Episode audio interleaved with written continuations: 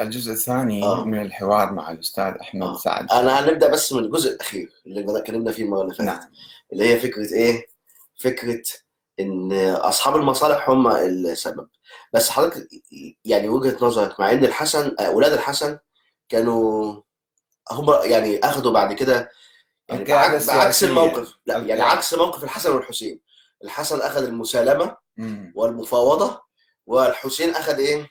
الثورة الثورة والتصدي وال... اللي حصل في الواقع في أولاد الحسن كانوا أكثر ثورة وأولاد الحسين أكثر مهادنه يعني طبعا مش قاعدة عامة في بعد كده يعني في الفاطميين وكذا لكن بقول المذهب الشيعي الأكبر نعم. من أولاد الحسين اللي هو مذهب الإثنى عشري مثلا دلوقتي هو أكبر